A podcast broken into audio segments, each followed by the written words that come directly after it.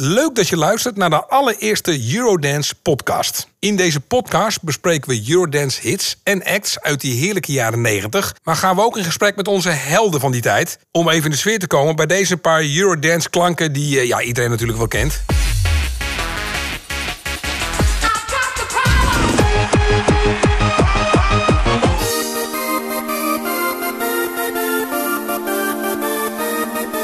Hey yo, Captain Jack. In deze eerste aflevering beginnen we gelijk goed, want ik heb een interview met de diva of dance Nance Kolen. Met 24-7 was zij een Eurodance act van het eerste uur, want in 1990 hadden ze al een eerste hit.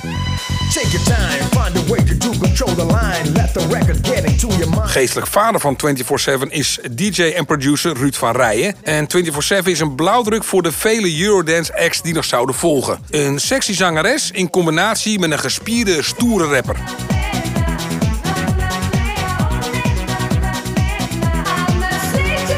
Ik verwacht Nens elk moment, dus ik zet nog even een glaasje water klaar en ik kijk of de koffie doorpruttelt. Kunnen jullie even luisteren naar mijn gewaardeerde collega Bart Slim, die een introductie maakt over Nens? Kunnen we vast even in de sfeer komen. Mijn naam is Ralf Wildeboer en dit is Eurodance de podcast, aflevering 1.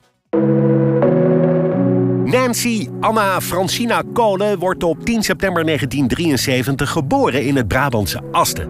Wat ligt onder de rook van Helmond. Al heel jong belandt ze in de muziekwereld.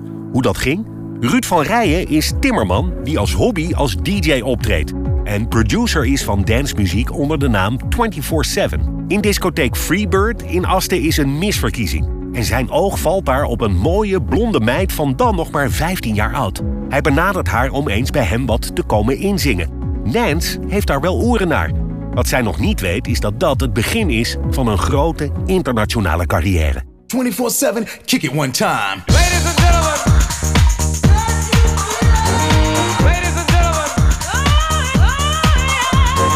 Het nummer wat ze inzingt heet I Can't Stand It. I can't stand.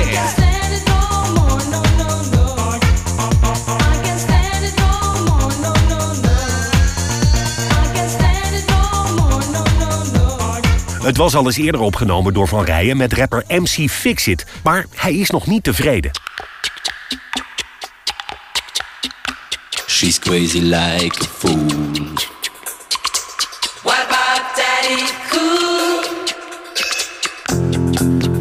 Van Rijen laat zich inspireren door Boney M, zangeressen in combinatie met de gesproken teksten van Bobby Farrell. Zoiets moet het gaan worden. She's crazy like a fool. Cool? Nance wordt de zangeres, MC Fixit dus de rapper.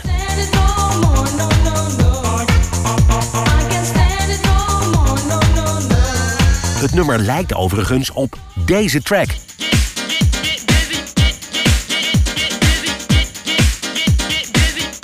Get Busy van Mr. Lee. En dat is niet zomaar. De loop van deze track is namelijk hergebruikt door Van Rijen. Dat gebeurde overigens wel vaker in die tijd.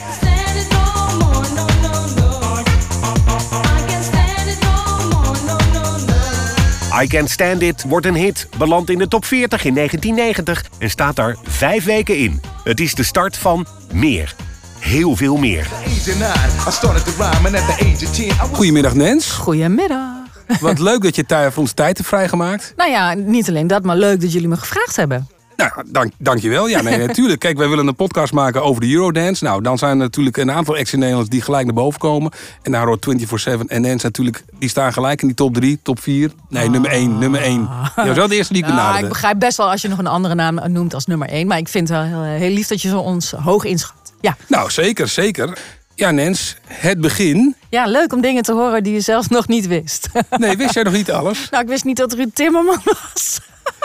Ik las dat terug. Oh, wat grappig. Ja, ik las het boek, laat ik gelijk... eh eh Colin en Kevin Kraan zijn twee jongens die hebben een boek geschreven, No Limit. Ja. Daar heb ik eh, een heel stuk gelezen ook over 24-7. En daarin werd dat, kwam dat naar voren, dat hij er ook mee bezig was. Volgens mij heb ik dat ook gelezen, maar ik heb het niet meer opgeslagen. maar, nou. maar inderdaad, in grote lijnen is dit wel ook het verhaal zoals ik het in mijn hoofd heb. hoor. Dus dat scheelt. Oké, nou gelukkig. Dan Dus, klopt dat in ieder geval. Kunnen we dat afvinken. ja. ja, Nens, jij bent... laten we even terug voordat het succes komt. Jij bent een meisje van 15 in Asten ja. op de middelbare school. Wat voor leven leid je dan?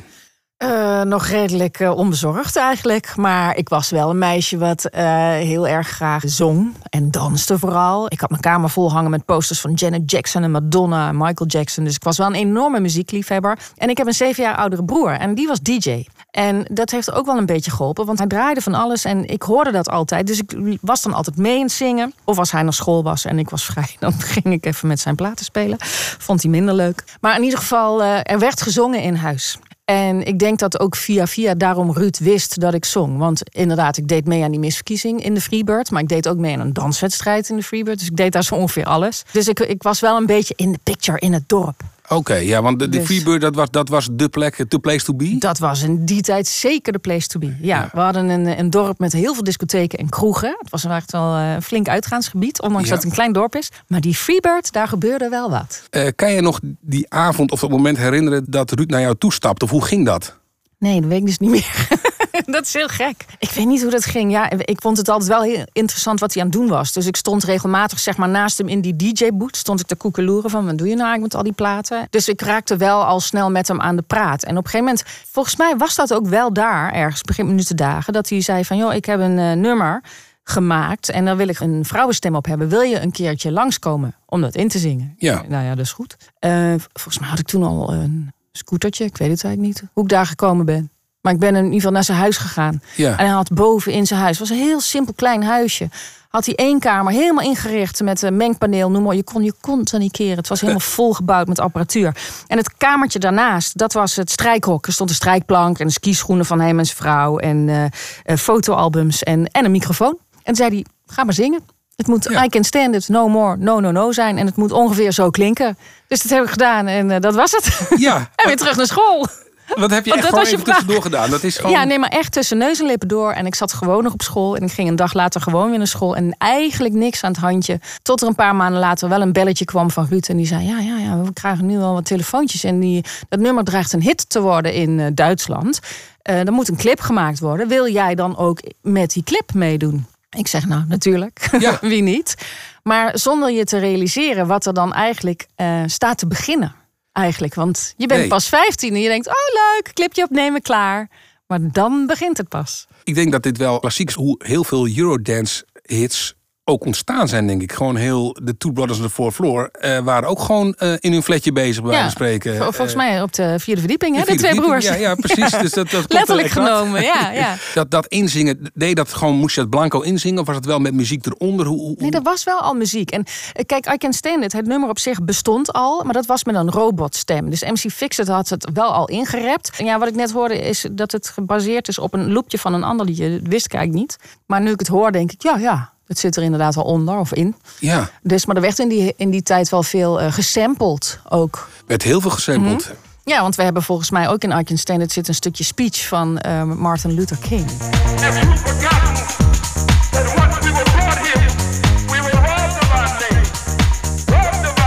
Jij geeft aan, het werd voor het eerst een succes in Duitsland. Daar begon het. Daar begon het. Er was een Duitse platenmaatschappij, BCM, die pikte dat eigenlijk op. Het zat in eerste instantie zat het in Eindhoven onder een label, volgens mij Freaker Records uit mijn hoofd. En eh, daarna werd het dan in Duitsland opgepikt en zij wilden dat uit gaan brengen in Europa. Dan heb je het over de gaslanden in dit geval. Dus Germany, Austria, Zwitserland. Wij Yes. noemden dat de gaslanden. Eh, en nou ja, dus BCM pikte dat op. En, eh, maar toen gebeurde er van alles waarvan ik eigenlijk nog steeds niet helemaal de hoed en de rand weet. Maar eh Fix het viel weg. Er moest wel weer een nieuwe rapper voor terugkomen. Nou, mij hadden ze al en ik, ik wilde dit wel blijven doen. Dus toen was er ook nog een manager die ineens in beeld kwam. En die heette Charlie. En Charlie zei, oh, ik weet wel iemand. Ik bel een rapper en die heet eh, Hollywood, Captain Hollywood. En eh, die heeft ook nog twee hele goede dansers, Hanks en Jacks. En eh, die willen dat misschien wel doen. Dus zo werd eigenlijk Captain Hollywood ingevlogen. Ja. En dat was eigenlijk het, het begin van 24-7. En wat dan ook nog leuk is om te vertellen is... voordat wij die clip gingen opnemen... was die single ingezongen en ingerept. Los van elkaar met Captain Hollywood. Nooit gezien. En toen werden wij eh, naar een fotostudio in Duitsland eh, gebracht. Esser en Strauss. Dat vergeet ik dus nooit meer.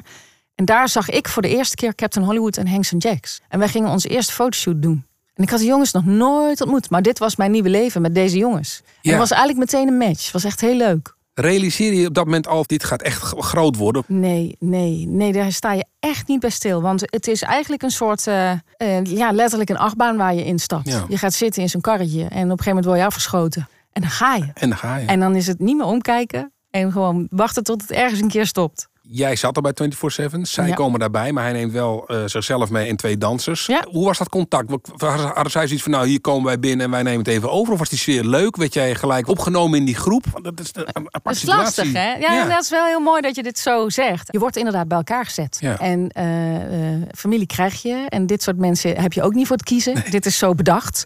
En dan moet die klik er maar zijn. En eh, die klik was er zeker met Captain Hollywood en Hanks and Jacks.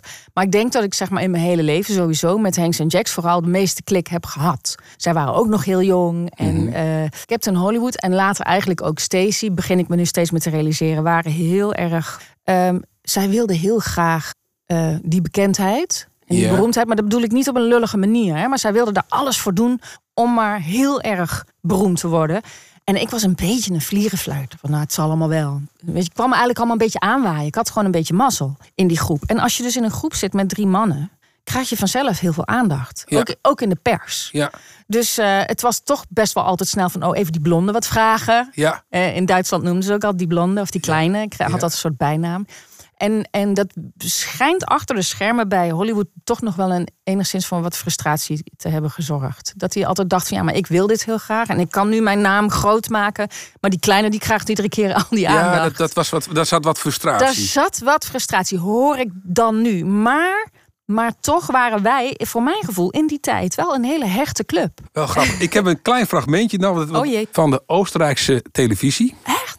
Uit 1990. Daar kunnen we even naar luisteren. 24-7. 24-7, man kann es ja sagen, sind mittlerweile Weltstars geworden, in sämtlichen Charts dieser Erde vertreten. Wie funktioniert das jetzt? Das muss ja ein unheimlich stressiger Tagesablauf sein. Na sicher. Zum Beispiel letzte Woche waren wir, sind wir morgens nach Spanien geflogen. Da haben wir eine Fernsehshow gemacht. Dann sind wir den gleichen Tag noch nach Italien, nach Rom geflogen. Da haben wir Interviews gemacht, ähm, Autogrammstunden, Fernsehen, alles was möglich ist. Oh, wat een fijn Duits, hè? Voor zo'n wel meisje. opgelet. Je had goed opgelet bij Duits. Dat moet ik nageven. Nou, ik heb veel geleerd in de tussentijd, ja. Die Zehn Großen, dat, was, dat, zo heette dat programma. Oh, maar ik sprak ook met een rollende R daar vooral. Ja, eh, herinner je dit moment überhaupt nog? Of zeg je, nou, Nee. er zijn zoveel momenten geweest. Oh, nee, maar dat is het. Nogmaals, die rollercoaster, echt alles vliegt aan je voorbij. En je hebt het gewoon, e- ik heb het echt niet meer helder. Maar ik vind het wel heel leuk om te horen. Echt heel leuk. Dat ik denk, oh, wauw. Je begint als 15-jarig meisje met 16. Met dit interview was je voor mij 17 of 18 jaar, was 1990. Ja. Hoe stonden jouw ouders hierin? Want je hebt natuurlijk, als je zo'n leven gaat leiden, wel steun nodig van je omgeving, kan ik me voorstellen. Ja, nou ja, ik was inderdaad eh, 15, going on 16. Ik was nog leerplichtig. Dus dat was natuurlijk ook wel een dingetje. En omdat ik minderjarig was, werden er contracten opgesteld. En die mocht ik niet tekenen. Moesten mijn ouders doen. Aha. En die hadden best wel zoiets van: holy chips, wat gaan we onze dochter aandoen? Weet je, is dit wel Ja. verstandig? En ze gaat op reis met noem maar op. Maar ja, het is Brabant en het is met Ruud. En Ruud had zoiets van: joh, weet je, ik verzeker jullie, er wordt op jullie meisje gelet. En dat komt allemaal goed. Dus die contracten werden blind getekend. Zonder erover na te denken door mijn ouders. en, ehm, en ze vertrouwden er maar op dat er op mij gelet werd. En misschien was ik wel gewoon een heel verstandig meisje, ik weet het niet. Laten we het daarop houden. Laten we het Verstandige daarop ouders, verstandig meisje. Verstandig mij. Nou, maar je wordt wel heel snel volwassen. Dat kan ik me voorstellen. Ja, Ja, je wordt snel volwassen in die tijd. Ja, zeker wel. En als je dan al zo leuk Duits praat. ja daar kom je heel goed. Even live op televisie weg, in een volle studio Ja, ja, met allemaal mensen om je heen. Je moet het maar even doen. Ja, Eh, precies. eh, ik bedoel, eh, ja, alle credits voor jou wat dat betreft. hoe zag jouw week eruit? Want dan moest je door de week naar school in, vanaf vrijdagmiddag in een vliegtuig. Of hoe Nee, gaat dat? Nou, heel eerlijk. Ik heb gewoon enorm gespijbeld. Ik hoop niet dat ik daar nu nog boetes voor krijg. Dit is verjaard. Maar ja, oh, gelukkig. Nee, ik, ik ben gewoon school gaan skippen, inderdaad. En ik denk dat mijn ouders ook wel heel snel gezien eh, hadden van... nou ja, weet je, de, die wordt op school niet gelukkig. Nee. Die moet lekker de wereld in en eh, reizen en vliegen en dat soort dingen. En nee, dat was niet alleen in het weekend. Want in die tijd had je gewoon echt iets te promoten. Ja. Als je nieuwe single uitkwam, dan eh, ging je vrij onbetaald... dat kan ik er ook wel bij zeggen, ging je op reis. Ja. En dan, eh, nou, ik noem maar wat, je ging naar Oostenrijk of naar Zwitserland... en dan eh, kwam je daar 's ochtends aan en dan werd je naar je hotel gebracht... en dan kon je je misschien, misschien met een beetje geluk opfrissen. Dan eh, zaten er vaak een stuk of vijf tot tien of soms zelfs vijftien journalisten klaar in een rijtje. Die je dan ja, achter elkaar kreeg. En dan Ja. ging je interviews doen. Nou, dat doe je, dat doe je drie uur over, vier uur. Nou, dan mocht je blij zijn als je een broodje eh, naar binnen Ja. kon werken. Ehm, dan had je nog een tv-opname. Dan ging je weer naar een tv-show. Dan moest je daar de make-up in. Je moest je kleding regelen. Soms hadden we s'avonds dan ook nog echt een show en een optreden. Eh, daar kregen we dan wel voor betaald, gelukkig. Ja. Eh, maar je was vooral heel erg bezig met promoten, promoten, promoten. En dan wilde Duitsland wil je hebben. Dan moest je een dag later weer naar Zwitserland. We hebben een tour gedaan op een gegeven moment door Azië. Gingen we zes weken naar Azië. En dan deed je ieder land twee dagen aan of zo. Ik ben op een gegeven moment naar India gevlogen. Ik ben daar 22 uur geweest. Inclusief een paar uur slapen. Ja. Dus weet je, het was heel hectisch. En je werd continu eigenlijk eh, bezig gehouden. Ja. Want het management zorgde wel voor super strakke schema's. Dus het was niet lang leven de lol. Nee. En ik zat daar van de week nog over na te denken. En dat zijn de bizarre momenten in je leven. Dat ik dus met Stacy bijvoorbeeld in Australië was. Daar waren we drie dagen. En ik had daar, ehm, nou, ik denk wel 40 graden koorts. Ik was dood en doodziek. Ja. En dan is het, ja, nee, sorry. Er staat een hele boot te wachten met pers. Eruit, Je meekomen. En dan moest je gewoon... Paracetamol erin en gaan. Ga met die banaan. Niks in je bed blijven liggen. Want er, eh, time is money. Letterlijk eigenlijk. Als je zo geleefd wordt, kan je dan ook wel genieten van het succes? Of zijn er echt momenten dat je denkt, ja jongens, het zal allemaal wel op een gegeven moment. Hoe, hoe, Ik kan me voorstellen dat dat moeilijk is. Nou ja, je geniet, maar je geniet eigenlijk vooral van de momenten dat je het podium afloopt. Als je net een show hebt gedaan en daar allemaal fans staan en die met je op de foto willen en een handtekening en noem maar op. Want dan heb je weer dat meisje wat op dat kamertje naar die posters zat te kijken. Ja, dit is het moment, weet je. Dit is waar je het voor doet. Ja. Eh, dat zijn de hele leuke dingen. En eh, klagen en zeuren, dat doe je niet. Nee. Want eh, you're living the dream eigenlijk. ja. Ehm, als je achteraf kijkt, dan, dan denk ik van ja, weet je, we, we gingen gewoon te hard. We gingen eigenlijk te hard ja. voor die leeftijd.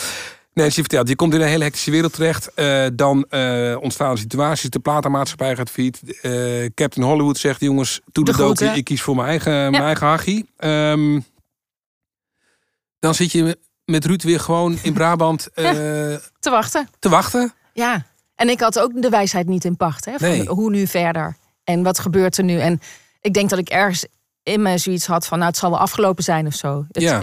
En, en Ruud zei, nou, ik ga wel even verder kijken. Ik zie het wel. En het heeft best nog wel even een, een tijdje geduurd. Ik denk wel meer, eh, iets meer dan een jaar of zo... voordat hij op de proppen kwam van... oh, maar ik heb, ik heb een nieuwe rapper gevonden. Captain Hollywood, wiens echte naam Tony Dawson Harrison is, gaat door onder de naam Captain Hollywood Project. Zijn bekendste hits zijn More and More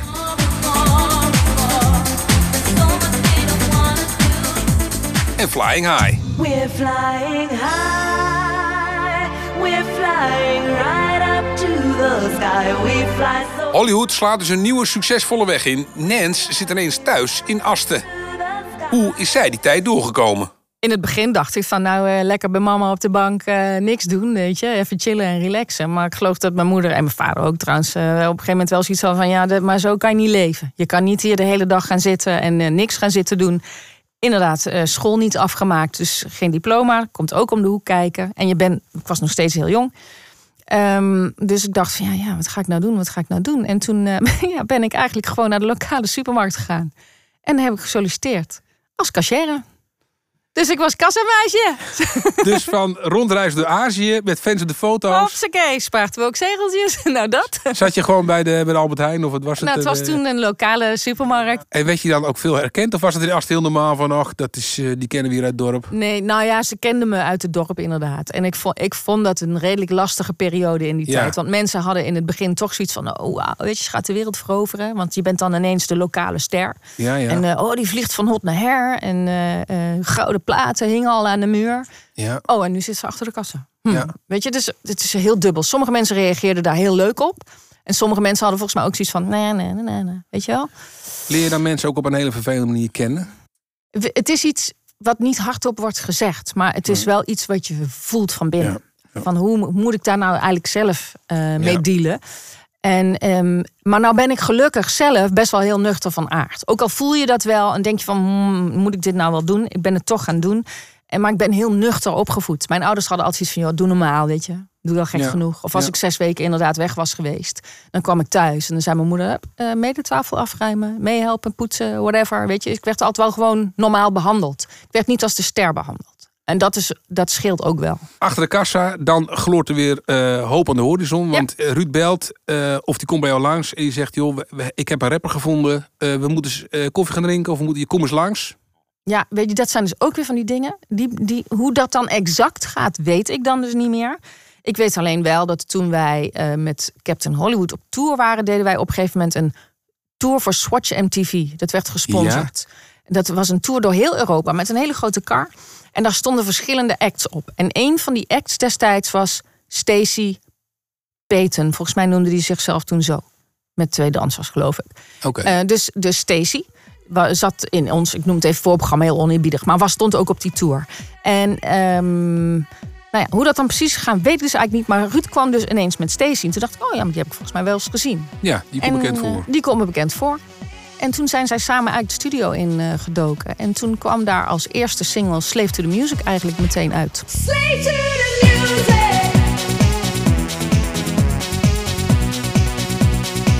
I'm a slave to the music.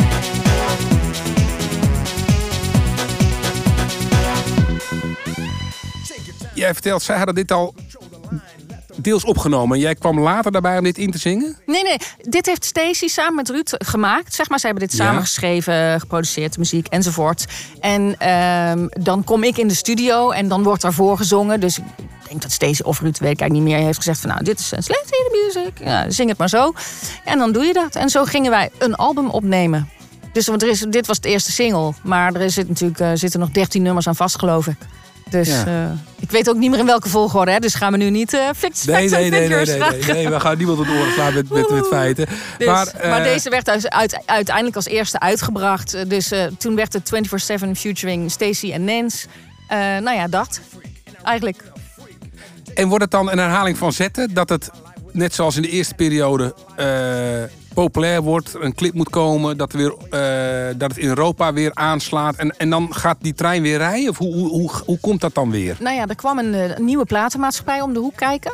Eh, een Nederlandse platenmaatschappij. Dus dat was wel, wel heel fijn. Kan je een beetje in je eigen taal communiceren. En zij hadden al gezien dat zeg maar, die eerste 24 heel succesvol was in Europa. Dus zij wilden dat wel gaan uitbreiden.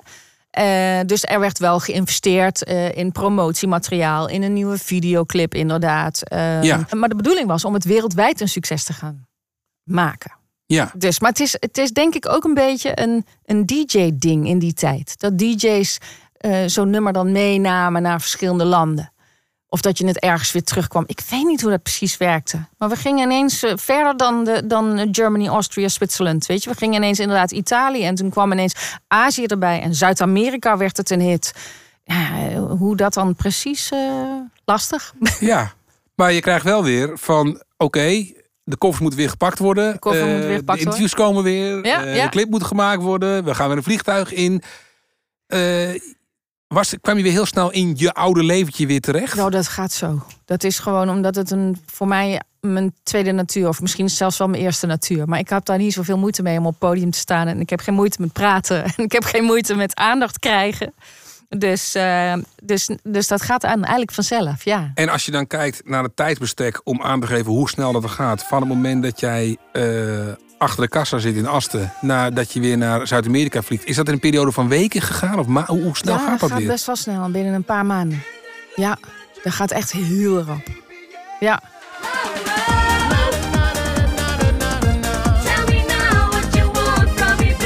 Naast Slave to the Music volgen er nog meer hits. Is It Love volgt enkele maanden later en belandt ook in de Nederlandse top 10.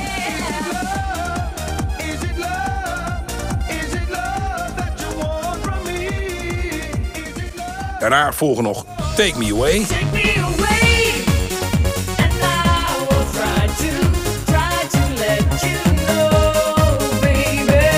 Leave Them Alone.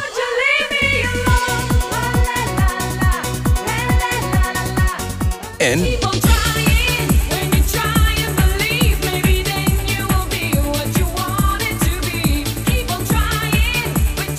tot zover de hits in vogelvlucht. terug naar het gesprek met Nens. Dit is Eurodance, de podcast. Als jullie op pad gingen, ging jij samen met Stacey op pad? Ging er, een, ging er een management mee? Gingen de PA's mee? Met wat voor grote groep, of misschien wel niet, gingen jullie op pad? We gingen, eh, Stacey en ik gingen vooral met een management op pad. Ja, we hadden geen dansers. Wij waren met z'n tweeën eigenlijk altijd. En dan een manager. Dus wij waren eigenlijk altijd met z'n drietjes. Er waren geen extra types bij. En Ruud, dan, eh, Ruud ging ook niet echt mee. Nee. is misschien wel handig om te weten. Dat Ruud eh, eigenlijk altijd thuis is gebleven achter het mengpaneel. Die zat gewoon achter een mengpaneel. achter het mengpaneel te af te wachten van... nou, wat gaan ze nu weer doen? ja, Ja. dat. Er was ook nog geen social media druk of dat soort dingen. Nee. Dus je was echt, je zat wel een beetje in een ander wereldje. Ja. Ja. Kon je dingen weigeren? Of was het gewoon geen optie? Kon je soms zeggen, ja jongens, ik moet nu echt een week vrij hebben. Of ja, mijn ouders zijn 25 jaar getrouwd. Ik wil daarbij zijn. Dat waren geen opties. Het was gewoon, je werd geleefd. Je werd geleefd, het werd ook niet gevraagd. Wil je vrij? Het werd ook niet besproken. Er werd maar van uitgegaan dat je eigenlijk altijd maar doorging. En dat is denk ik wel mijn grootste gemis geweest, zeg maar, uit die tijd. Want ik was jong. Ik had natuurlijk vriendinnen, maar die zag Ja. ik niet meer. Nee. En die hadden eigenlijk zoiets van, ja, wat doet ze nou eigenlijk? Dat is best wel heel raar, hè? Als je een vriendin Ja. hebt die een artiest is en dan nooit is... dan denk je kan daar geen plaatje van maken, tenzij je er zelf bij bent. Maar ja, ze waren er nooit bij. Ehm, maar ik heb ook menig kerst, oud en nieuw, verjaardagen, bruiloften, begrafenissen eh, gemist. Gewoon Ja. omdat je er niet bij kon zijn. En ook mijn eigen verjaardagen heel vaak niet gevierd. Ja, onderweg of zo. Dat vond ik altijd wel het ergste eigenlijk. Maar je deed het, want je wilde maar Ja. één ding. En dat is hop, door. Door. Het is zo leuk wat we doen. Dus ehm, Zijn dat dan wel momenten waarop je je alleen kan voelen? Dat je denkt, oké. ja, ik heb, ik heb wel heel veel last van heimwee gehad soms. ja. En in die tijd had je dus nog geen mobiele telefoon. Dus dan werd er van hotelkamer naar huis gebeld. Ja. Dat, dat is ook zo'n fantastisch verhaal. Dat gebeurde dan met een collect call. Dan Oh ja. belde ik naar huis en dan... eh collect call from eh, South Africa, ik noem maar wat. En dan had, hoorde ik mijn vader, yes! Die, want je hoort dan wel of iemand accepteert. En dan zei mijn vader, yes, oké. Maar dan kreeg zij de rekening. Oh ja. En dat was eigenlijk minder leuk. Want Ja. ik geloof dat ze soms wel eens 800 eh, gulden hebben moeten aftikken. Ja, omdat dat ik vijf minuten naar huis belde. Helemaal in tranen. Ik mis jullie zo.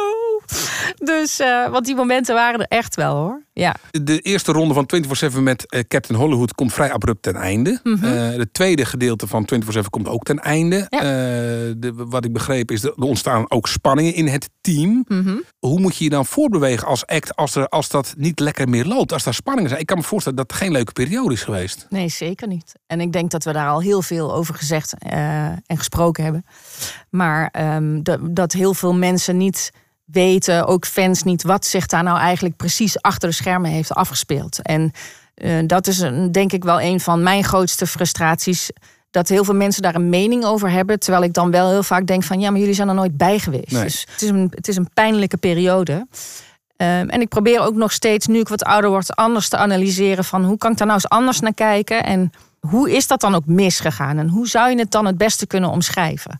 Ehm, dat, daar ben ik mee bezig. Daar ben je mee bezig. Daar ben ik mee bezig. Ik heb daar wel een filosofie over, maar Bij Toen Limit ontstonden spanningen. Ja. Bij eh, Snap ontstond er ruzie. Is dat te voorkomen geweest als je kijkt hoe jullie als al die acts in een periode van weken, soms maanden, van ja, niet, naar 100, Mhm. niet van 0 naar 100, maar van 0 naar 1000 gingen. En je, je, je, je ja, hallo, ik ben Stacey, ik ben die en die. Nou ja. ja. en we gaan samen optreden. Het is toch bijna ook bijna niet te voorkomen, zou je bijna denken. nou ja, niet? eigenlijk zeg je het nu heel simpel, heel mooi. Van hé, hey, hoi, ik ben Stacey. Of wie dan ook. Je, weet je, het, is, het zijn allemaal concepten die bij elkaar zijn gebracht.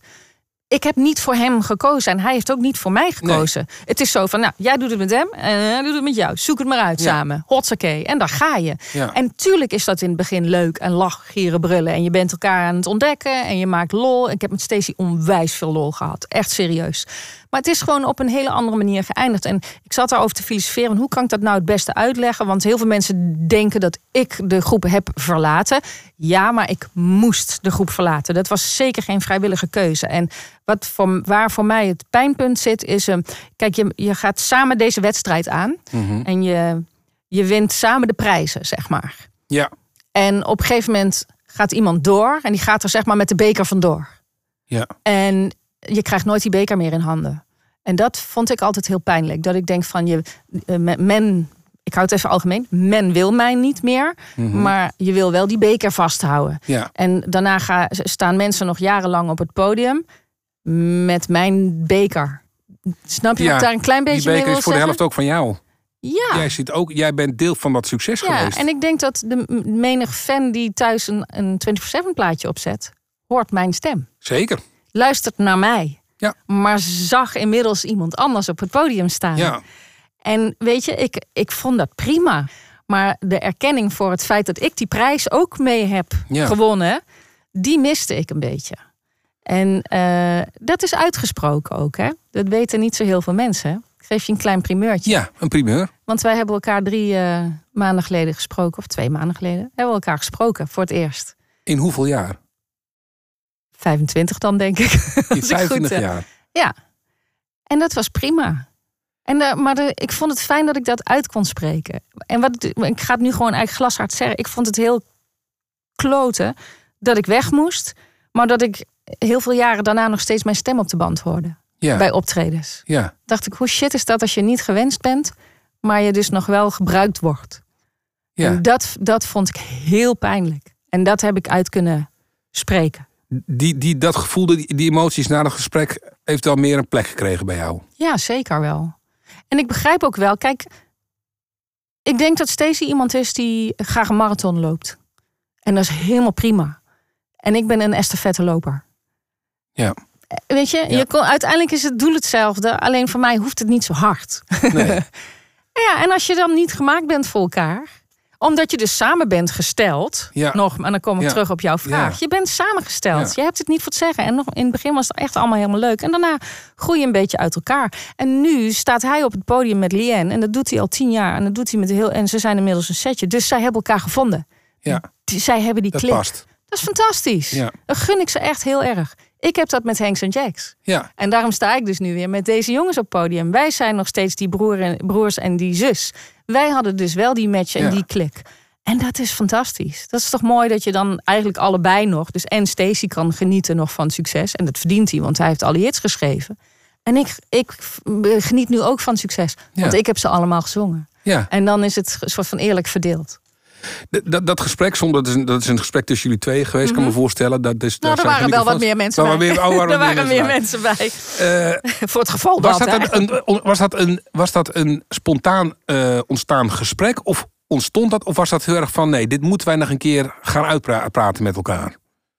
Ik durf best. wel- Ik weet, ik weet niet of er al eerder een keer eh, gevraagd is om een gesprek. Dat weet ik eigenlijk niet. Volgens mij Nee. niet. Maar ehm, nu kwam ineens die vraag op tafel van... eh, goh, zou ze... En dan weet je van wie de vraag komt. Zou ze eens willen praten? En eh, toen zei ik in eerste instantie van... nou, daar wil ik een nachtje over nadenken. Van, is dit wel verstandig gezien mijn... Ik, ik ben een heel emotioneel mens. Dus ik kan nog wel eens in de overdrive gaan op dat vlak. En eh, toen dacht ik, nou, laat ik nou eens een keer verstandig zijn. Gewoon eens een nachtje blijven erover slapen. Even rustig daar. En toen dacht ik, ja, weet je, waarom ook niet? Ja. Ik ben een volwassen vrouw. Ja, Doe, kom op, Nens, doe niet zo flauw. Doe het nou gewoon. ja. Dus, eh, dus toen ben ik toch dat gesprek aangegaan. En het is me 100% meegevallen. En ik vond het ook wel ergens fijn. Want je, hij, hij heeft natuurlijk een beleving van hoe dingen zijn gebeurd. Ik heb een beleving van Ja. hoe dingen zijn gebeurd. En dat is ook allemaal helemaal niet zo belangrijk allemaal meer. Het is meer van hoe sta je dan in het hier en nu... en hoe wil je nog verder, ja. zeg maar. En, en mijn intentie is niet om met hem op podium te willen. Nee. En niet omdat ik hem haat, maar gewoon. Dat dit, is voorbij. dit dat is voorbij. niet meer. Dat is iets in het verleden. Precies. Is die kou dan nu wel uit? Is het een opluchting voor jou dat je denkt, die, die, die kou is uit de lucht voor of mij, die frustratie ja, voor weg? mij is de kou uit de lucht. Ik denk voor hem ook wel. Het enige, en dat zeg ik ook wel eens tegen Ruud, en daar ben ik gewoon heel eerlijk in. Voor mij is, eh, want je hebt dus nu twee 24-7's en wij Ja. fungeren, en nu heb je dus wel social media, wij fun- fungeren onder één Instagram-account. Is daar weer een afvloeiing met 24-7 featuring Stacey en Leon en 24-7 featuring Nance, Hanks en Jax. Weet je, dat is een soort parapluutje, zo moet je het zien. Ja. Wij kunnen naast elkaar bestaan op deze Ja. manier. En we, we moeten het elkaar ook gunnen, zeg maar. En nu is de vraag, vinden, maar begrijp je de fans het nog? Dat was het in het begin, was het een beetje lastig. Van, begrijp je de fans het nou eigenlijk nog? Van ja, want dan heb je die en dan heb je die. En dat vonden mensen heel ingewikkeld en heel lastig. Maar wat je zei, je hebt ook een snap. En dan heb je met Turbo B heb je een snap. En je hebt met de echte zangeres een snap. En ze hebben er allemaal evenveel recht op. Ja. Ze hebben allemaal die beker ooit een keer gewonnen. Ja, ja. Dus ze hebben er allemaal Ja. recht op. Jij zegt, je hebt het over estafette. Je hebt op een gegeven moment een eh estafette stokje gepakt. Dat was de televisiebranche. Daar hebben we het nog niet heel erg over gehad. Het is Mhm. natuurlijk ook een, een, een podcast over de Eurodance. Maar het is toch ook een hele groot onderdeel in jouw leven Ja. geweest. Hoe ben jij van die muziek in die televisiebranche gegaan? Is dat ook heel snel gegaan? Of is dat ook, ook hoe, ging Nou, dat? dat kwam eigenlijk wel een beetje door de muziek. Dat was wel leuk, want ik moet even, ik ben altijd zo slecht met jaartallen, maar volgens mij was het 1995. Toen kreeg ik een, een vraag vanuit eh, iemand vanuit eh, Joop van den Ende. Er kwam een nieuw datingprogramma aan, Liefde is. En het was een programma voor jongeren. Eh, waarbij je dan eh, jongens en meisjes en dan, eh, hup, nou, dan werd er een soort van blind date, maar net anders. Maar er was ook muziek in dat programma. Er zou dan iedere week zou er een artiest optreden. En ze zochten eigenlijk een presentator of presentatrice die dan bij de doelgroep zou passen. Ja. En ik had op dat moment net het enorme succes met 24-7. Dus iemand zei, ja, nou ja, die Nens, die komt uit Nederland en die past wel in die doelgroep. Ja. Dus eigenlijk ben ik zo op die manier bij dat programma terechtgekomen. En toen heb ik gevraagd of ik samen met de eindredactrice samen zelf de acts mocht uitzoeken. Ja. Dat was echt wel heel leuk. Want toen kwamen we bij Scatman John en allemaal dat soort dingen. Ja, weet je, allemaal ja. uit mijn clubje. Dus je kreeg eigenlijk. inhoudelijk eigenlijk ook gelijk een rol voor het programma. De- ja, die, die had ik een klein beetje afgedongen. Niet heel dat doen, zo veel verstand van had, maar ik had zoiets ja, ik moet toch een keer ergens wat doen en leren. Maar zo ben ik dus bij tv terechtgekomen. En toen kreeg ik daar de smaak te pakken. En ja, toen, toen kwam ook uiteindelijk zeg maar dat soort van gedwongen afscheid bij 24-7 op dat moment. Omdat toen de, de perikelen wel heel hoog opliepen. Maar ik viel niet in een zwart gat. Ik had tv. En ik kon eigenlijk zeg maar door, een beetje doortrekken wat ik gewend was van in de picture staan en op tv Ja. zijn en dat soort Ja. dingen. was voor mij een soort van natuurlijke overgang of zo. Dus tv begon niet na 24-7, dat begon al tijdens 24-7 Een beetje eigenlijk. tijdens, ja. Dus dat vloeide mooi in elkaar over. Ja. Toch eigenlijk? Ja, zeker. En eigenlijk door dat eerste tv-programma heb ik, eh, ben ik ook solo gegaan. Want er moest een leader worden bedacht Ja. voor eh, dat programma. Dus samen met mijn eh, inmiddels ex-man, Ja. toenmalige echtgenoot, eh, hebben we Love Is geschreven.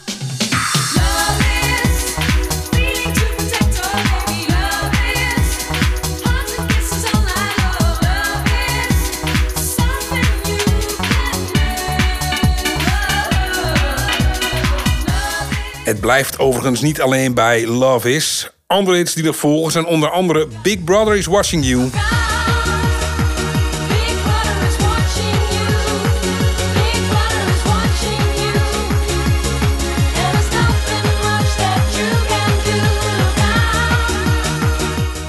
Kiss It.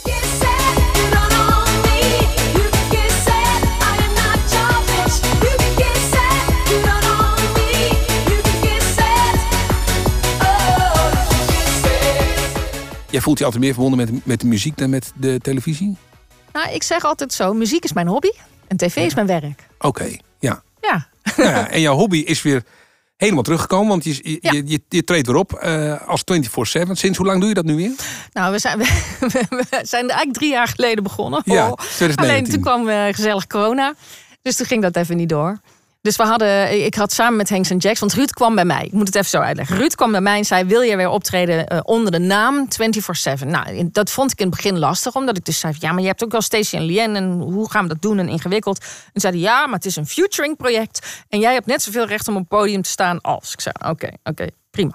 Ik zeg, maar dat wil ik dan doen met Hanks en Jacks. Want ik had ze een jaar daarvoor had ik ze net in Nuremberg ergens gezien en ontmoet. En we hadden wel zoiets van, nou, met z'n drieën weer op het podium. Lijkt me enig.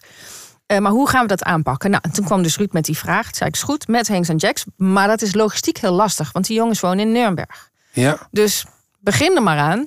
Dus zij zijn op een gegeven moment naar eh, Nederland gevlogen. Zijn ze een week hier geweest. Hebben een week lang ons opgesloten in een dansstudio. We zijn de nummers gaan oefenen, in gaan zingen. Eh, danspasjes bedacht enzovoort. En we hebben alleen maar een week lang lopen klagen van... jeetje mina, wat zijn we oud geworden, weet je. Ja, ja. oh, we redden dit nooit. een half uur, we vallen na een kwartier dood op het podium. Maar goed, ehm, we waren er klaar voor. We stonden echt helemaal te trappelen voor ons eerste optreden. En toen was er een lockdown. En toen Ja. konden we helemaal niet meer op podium. We konden ook niet meer naar elkaar toe vliegen. Dat was allemaal heel lastig. En uiteindelijk vorig jaar, toen mochten we weer voor het eerst. En toen, Ja. toen hadden we eigenlijk geen tijd meer om te oefenen. Dus we hebben zoiets van, nou, we zien elkaar wel op het podium. En we zien het wel. Ja. We gaan gewoon maar wat doen. En het is zo lekker om dan daar te gaan staan. En de band begint. En dat je elkaar aankijkt en denkt, yes. En het gaat. Ja. Alles is er weer en alles is er nog. En je doet het gewoon. En het wordt eigenlijk nu steeds weer beter en lekkerder Ja. en fijner. En je houdt het ook langer vol. Is het, eh, is het net als fietsen, optreden als 24-7? ja, ja, eigenlijk wel. En ik vind, het, ik vind het nog het allermooiste inderdaad... als je dan gewoon de zaal in kijkt... en je ziet dat iedereen meezingt. En Ja. dan denkt van, oh yes, oh ja, dat was ook nog een hit. Oh, en dit nummer kennen we ook nog. Ja. En het is zo fijn. Het is gewoon lol hebben samen en genieten op het podium, zolang als ik dit leuk vind. Ja, en je weet, er is altijd een vangnet namelijk. Er is een buurtsuper in Asten. ja, maar daar woon ik niet meer, dus dat gaat- Nee. wordt een beetje lastig. Dat is wat verder rijden misschien. Maar Ja. goed, eh, en wat ik heel erg waardeer aan je, wat ik heel knap vind van je, is dat er heel veel momenten zijn geweest van succes. Het eindigt, er komt succes, het eindigt. Je komt altijd weer terug. Je, je kiest toch altijd wel weer je pad. En het is natuurlijk niet altijd toeval. Hè? Het, zijn ook de, het is ook je momenten zien, Mhm. je, je momenten pakken, het aanvoelen. Is dat heel tekenend voor hoe, hoe jij ook gewoon in het leven staat? Ehm, ik, vooral de moed erin houden, inderdaad. En wat ik al zei, ik heb, ik heb gewoon een beetje mazzel gehad, zeg maar, in mijn hele carrière, dat het allemaal bijna is aankomen waaien. Wat, wat niet wil zeggen dat ik er niet hard voor gewerkt heb, want je moet er wel heel hard voor werken en je moet er wel mee bezig zijn. Alleen ik heb op een gegeven moment wel wat dingen losgelaten. En dan met name tv-werk merkte ik dat dat gewoon een paar jaar geleden echt op een laag pitje kwam te staan. Daar was ik in het begin een beetje gefrustreerd over. Ik denk, eh, kan het nou? Weet je, dan, dan zit je echt even in zo'n zo'n fase. En, en Ja. wat ik dan heel lastig vind, is dat de buitenwacht vindt dat je daar dan eigenlijk niks van. Je moet niet zeiken. Weet Ja. je, je moet niet zeiken, wordt er dan eigenlijk gezegd. En Ja. dan denk ik van ja, maar als ik een gewone normale baan zou hebben gehad, waarbij je eruit geknikkerd wordt, dan ga je op een feestje ook zeggen, hè, verdomme. Ja, Hè? tuurlijk. Ik mis mijn baan. Ja. Maar als je BN'er bent en je mag even niet meer meedoen, dan eh, moet je niet zeiken. En dat, dat vind ik soms een beetje lastig. Ik vind het prima zoals het nu gaat. Maar ik zou het best leuk vinden om weer wat voor tv te doen. Ik merk dat ik meer weer ben gaan zingen. Niet alleen op podium, maar ik geef ook zangcoaching. En dat doe ik op mijn manier. En dat vind ik gewoon hartstikke leuk om kinderen te enthousiasmeren. Want ik geef les aan kinderen. Om te Ja. enthousiasmeren voor zingen. Het hoeft niet perfect te zijn als je maar lol hebt. Geniet gewoon. Nou, ik denk dat dat een, heel, een hele mooie afsluiting is van deze podcast om zo te eindigen. Ik hoop dat jij het ook heel leuk gesprek Ja, vond. zeker. Ik wil je heel erg bedanken, Nens, voor je tijd. Graag gedaan. En eh, ja, ik wens je heel veel succes met eh 24-7 en alle projecten die nog komen gaan. Dankjewel. En eh, ja, bedankt voor, eh, voor dit interview. Graag gedaan. Eurodance, de podcast, is een Mika Media productie. En deze aflevering werd opgenomen in de podcaststudio van De Audio. Aan deze podcast werkten mee Bart Slim, Cindy Hausendorfer, Barbara Karel, Roger Heuger en ikzelf, Rolf Wildeboer. Dit was het voor nu. Tot de volgende podcast. Dit is Eurodance, de podcast.